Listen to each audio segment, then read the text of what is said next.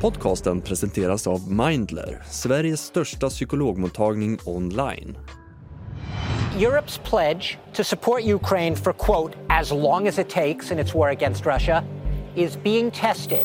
President Putin har lyckats slå in en kil som splittrar EU. Hungary has blocked $55 billion in EU aid for Ukraine hours after an agreement was reached on starting membership talks. Till sin hjälp har han Ungerns premiärminister Viktor Orbán och han är långt ifrån ensam. Slovakiens regering stoppar nu landets militära hjälp till Ukraina. Wilders invandringsfientliga frihetsparti vann valet i Nederländerna igår väcker oro i Bryssel. På en kvart får du veta varför Putinvännerna i Europa kan komma att stärkas ytterligare det närmaste året. Det är klart att det sänder uppmuntrande signaler för Kreml när man ser fler och fler säger det de vill höra. Det är den 21 december. Det här är Dagens Story från Svenska Dagbladet med mig, Erika Treijs. Gäst idag, Therese Larsson Hultin, utrikeskommentator på SvD.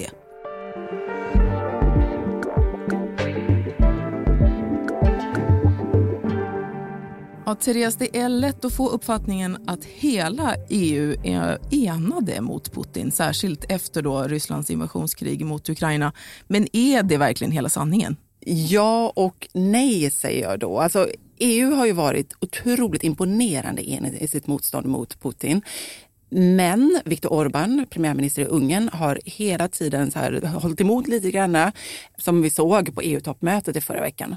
Kan du beskriva då vilka är Putins vänner? Ja, men det är ju då Viktor Orbán som jag sa precis, Ungerns premiärminister, där en tysk EU-parlamentariker sa förra veckan att det är som om Putin sitter med inne vid bordet i toppmötesrummet. Viktor Orbán has a very close relations with uh, Vladimir Putin. Many uh, in Europe call him Russia's Trojan horse inside the EU. Du har Robert Fico i Slovakien som ju valdes i höstas. Som förra gången han var premiärminister så kallades han så här lite skämtsamt för Putins eh, talesperson eller chefspropagandist i Europa. Slovakia will not belong among those countries that will support Ukraine militarily.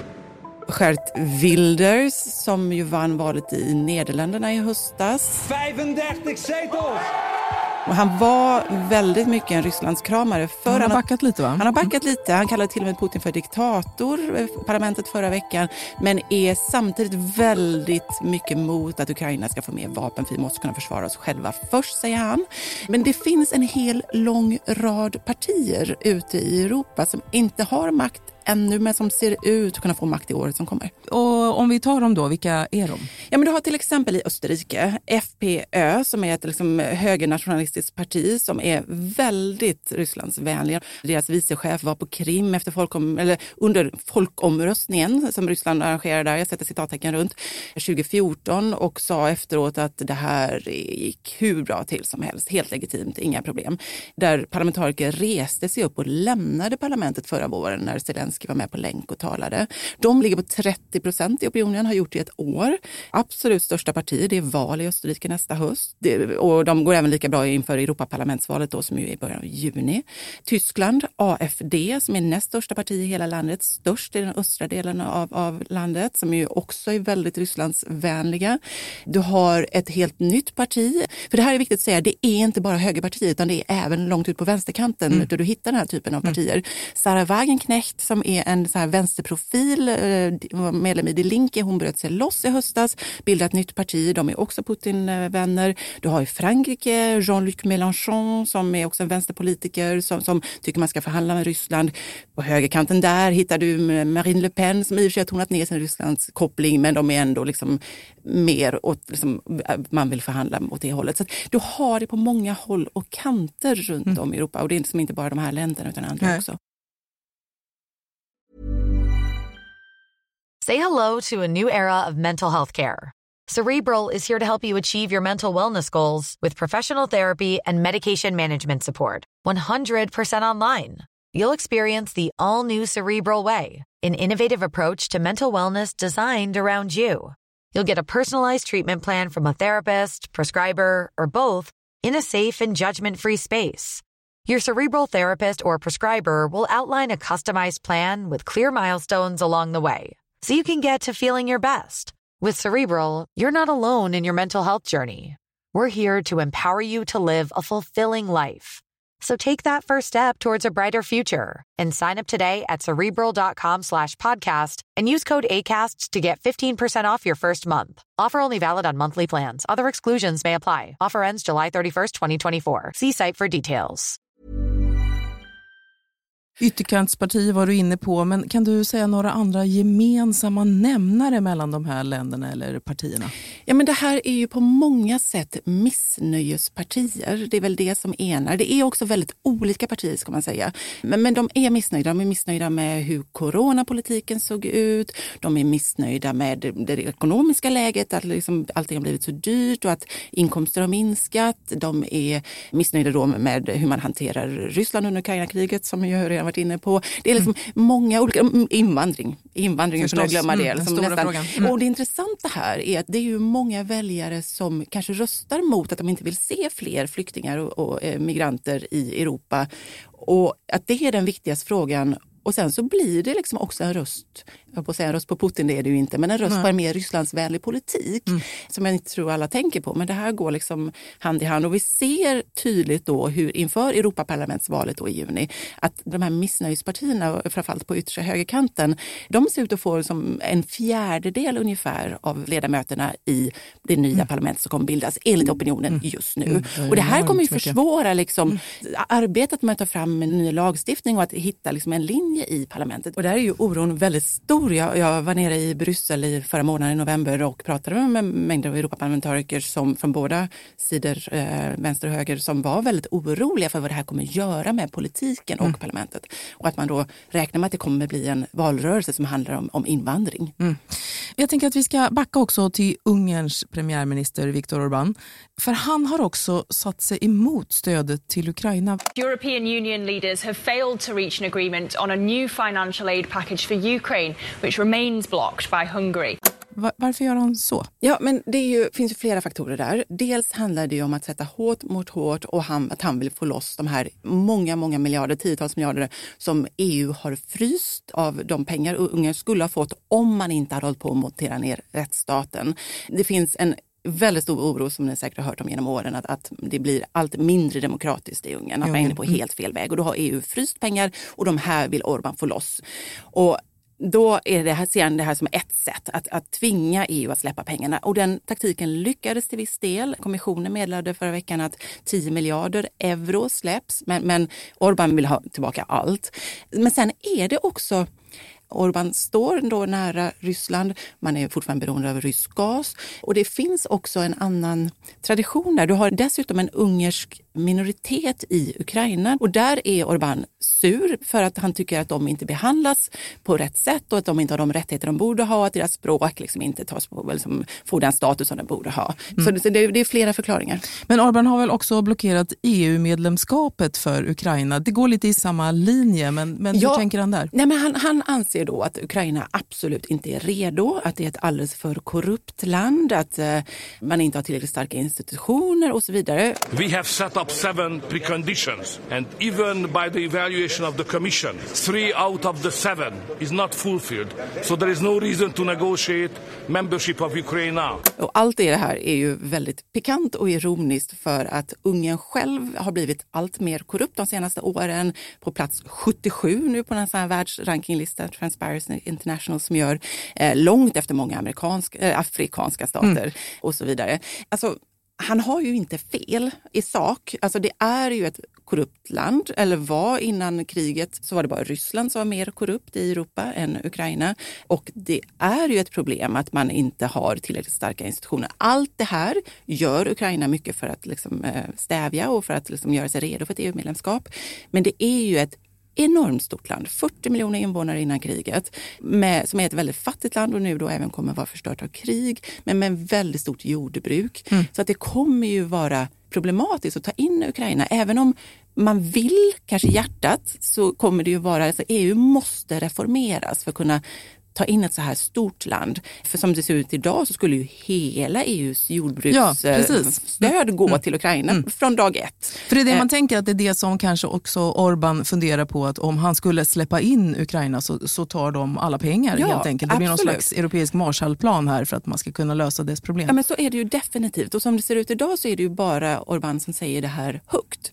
Det är ju garanterat många andra EU-ledare som tänker det här. Men utåt så säger man självklart ska Ukraina med. Men för att kunna ta med Ukraina så måste EU reformeras som sagt. Och, och du ser ju ett land som Polen som har varit väldigt starkt styrka i sitt stöd till Ukraina vad gäller vapen och de har tagit mycket flyktingar och så vidare. Där ser vi bara nu hur de har blockerat med så lastbilschaufförer och haft att ukrainska lastbilar ska kunna köra in i Polen bara för man tycker att de tar marknadsandelar och att de liksom mm. svämmar över med jordbruksprodukter och så vidare. Så att det, man kan ju ställa in sig på bråk. Och jag såg dessutom förra veckan så kom det en rapport från en tankesmedja som har gjort en mätning i sex europeiska länder, ECFR heter den, där man såg att Europa är ju väldigt splittrat i sin syn på, på Ukraina nere på medborgarnivå. Mm. Exempelvis i Tyskland så var 37 procent för, 39 procent emot att man ska ta in Ukraina. Frankrike 35 procent emot. I Österrike, som då FPÖ är största parti, mm. så är hela 52 procent emot att ta in Ukraina. Den här frågan splittrar Europa skulle man kunna säga då? Ja, och jag tror inte att det är liksom att man inte stöttar Ukraina utan att man ser problemen. Mm. För, tänk bara när man tog in Rumänien och Bulgarien i EU. De var ju inte klara. De hade ju inte bekämpat färdigt sin korruption till exempel. Och varje år nu så klagar ju liksom EUs korruptionsbyrå på att det är korrupt. Mm. Say hello to a new era of mental health care. Cerebral is here to help you achieve your mental wellness goals with professional therapy and medication management support. 100% online. You'll experience the all new Cerebral Way, an innovative approach to mental wellness designed around you.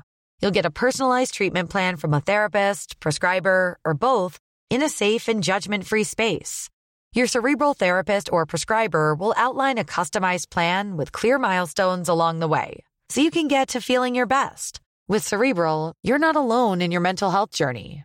We're here to empower you to live a fulfilling life. So take that first step towards a brighter future and sign up today at cerebral.com slash podcast and use code ACasts to get 15% off your first month. Offer only valid on monthly plans. Other exclusions may apply. Offer ends July 31st, 2024. See site for details. Du skrev i en text också att eh, Orban går Putins ärende lite grann, jag tolkade det i alla fall som han var någon slags trojansk häst för, för Putin i EU. Kan du utveckla det? det alltså det är ju inte så att, att Putin ringer upp Orban och säger gör så här, det tror jag inte i alla fall. eh, men det blir ju att, att han går liksom, Putins ärende. Mm. Det blir en liten julklapp till Putin när, eh, när han sitter där och, och liksom håller emot att Ukraina inte får släppas in och, och börja förhandla som, som EU-medlem, som det ju blev. Han gick ut och drack kaffe medan de andra tog det beslutet sen så det blev mm. ju så till sist. Eller håller tillbaka pengar och sådär. Det är ju exakt vad Putin vill. Mm. Ukrainas pengar som man har fått hittills tar ju slut vid årsskiftet enligt medieuppgifter. Och som det är nu så, så håller Republikanerna i kongressen i USA emot. Så de får inga pengar från USA eh, mm. och beslutet från EU är ju framskjutet till februari. Mm. Så att det är som, som då Joe Biden var inne på häromveckan när Zelensky var på besök, att det är en julklapp till Putin. Congress needs to pass a supplemental funding for Ukraine before they give Putin the greatest Christmas gift they could possibly give him. De andra som du har räknat upp här, som Slovakiens Fitzo och Nederländernas eh, Wilders, eller Wilders kanske han heter, går de också Putins ärenden? Men vi har inte sett det riktigt ännu. så trodde man ju när han kom, liksom då tog över makten i höstas att han skulle börja göra det. Han blockerade inte nu på EU-toppmötet. Sen vet man ju inte om han liksom lät Orban ta den smällen. Så det är ju för tidigt att säga. Wilders har ju ingen makt ännu. För vi vet ju inte de håller på att förhandla fram en ny regering i Nederländerna. Så där får vi ju se var det landar. Det. Så mm. det, det, är för tidigt att säga. Mm. Du har varit inne på EU-valet och det har vi också konstaterat att det kommer upp här i sommar. Men vad betyder det för den här frågan och för Ukraina? Att det kan bli väldigt mycket svårare att få igenom stöd framöver till Ukraina. Det kommer ju ständigt så nya sanktionspaket mot Ryssland. Det kan bli svårare. Just den här enigheten som vi har sett kan bli svårare.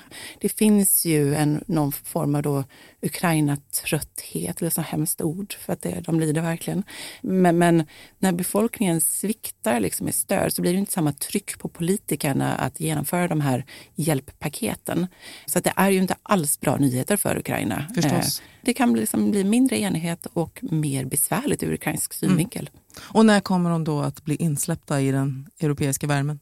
Det, går ju inte att säga. Eh, jag ska säga tiotal år, jag, jag, vet inte. Jag intervjuade den brittiska Oxford-professorn Timothy Garton Ash i våras. Han är så Europavän och vill alltså, verkligen att Ukraina ska få gå med i EU. Men han sa att det mest realistiska som han tyckte var att man kanske släpper in dem i omgångar. Liksom, nu får ni reformera er energisektor och så får ni vara med i någon sorts energiunion. Nu reformerar ni det här och så får ni vara med i någon sorts jordbruksunion och så vidare. Men det du beskriver nu, det kanske är någonting som EU har lärt sig då efter att ha plockat in andra oklara ja, länder? Alltså är möjligt, men vi är ju inte där att den typen av diskussioner förs, så vi vet ju inte. Mm. Det här kommer bli en lång process och en mm. svår process. Och Therese, i den här situationen då när länder vacklar och man diskuterar hur mycket pengar man helt enkelt vill lämna till Ukraina, hur utnyttjar Putin det? Ja, men det här spelar ju honom rätt i händerna som jag var inne på. Liksom, han och Ryssland kommer ju fortsätta försöka så split i Europa med påverkanskampanjer.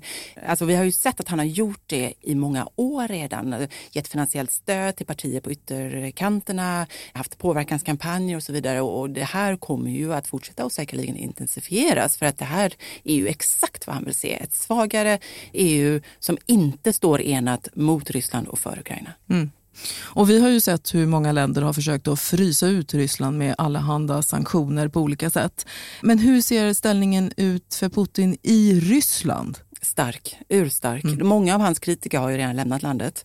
Och de som är kvar är ju, det är ju en, en klar majoritet för kriget som de ju tror då är mot fascism och mot väst. Det är så det framställs i Ryssland. Och Putin står starkt. Många människor har dessutom fått det bättre ekonomiskt under kriget för att han har betalat ut stöd till soldatfamiljer och höjt bidrag och löner och så vidare. Så att många har ju fått mer pengar i plånboken vilket ju också, också stärker hans stöd. Och det är ju val nu då, jag mm. säger val inom citattecken i vår för Putin kommer ju med all största sannolikhet att vinna.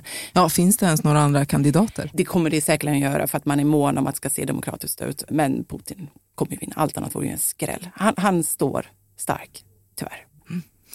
Tack Therese Larsson Hultin. Det var fantastiskt att ha dig här idag. Ja, jag lärde mig helt enkelt väldigt mycket. Tack för att du kom hit. Tack så mycket.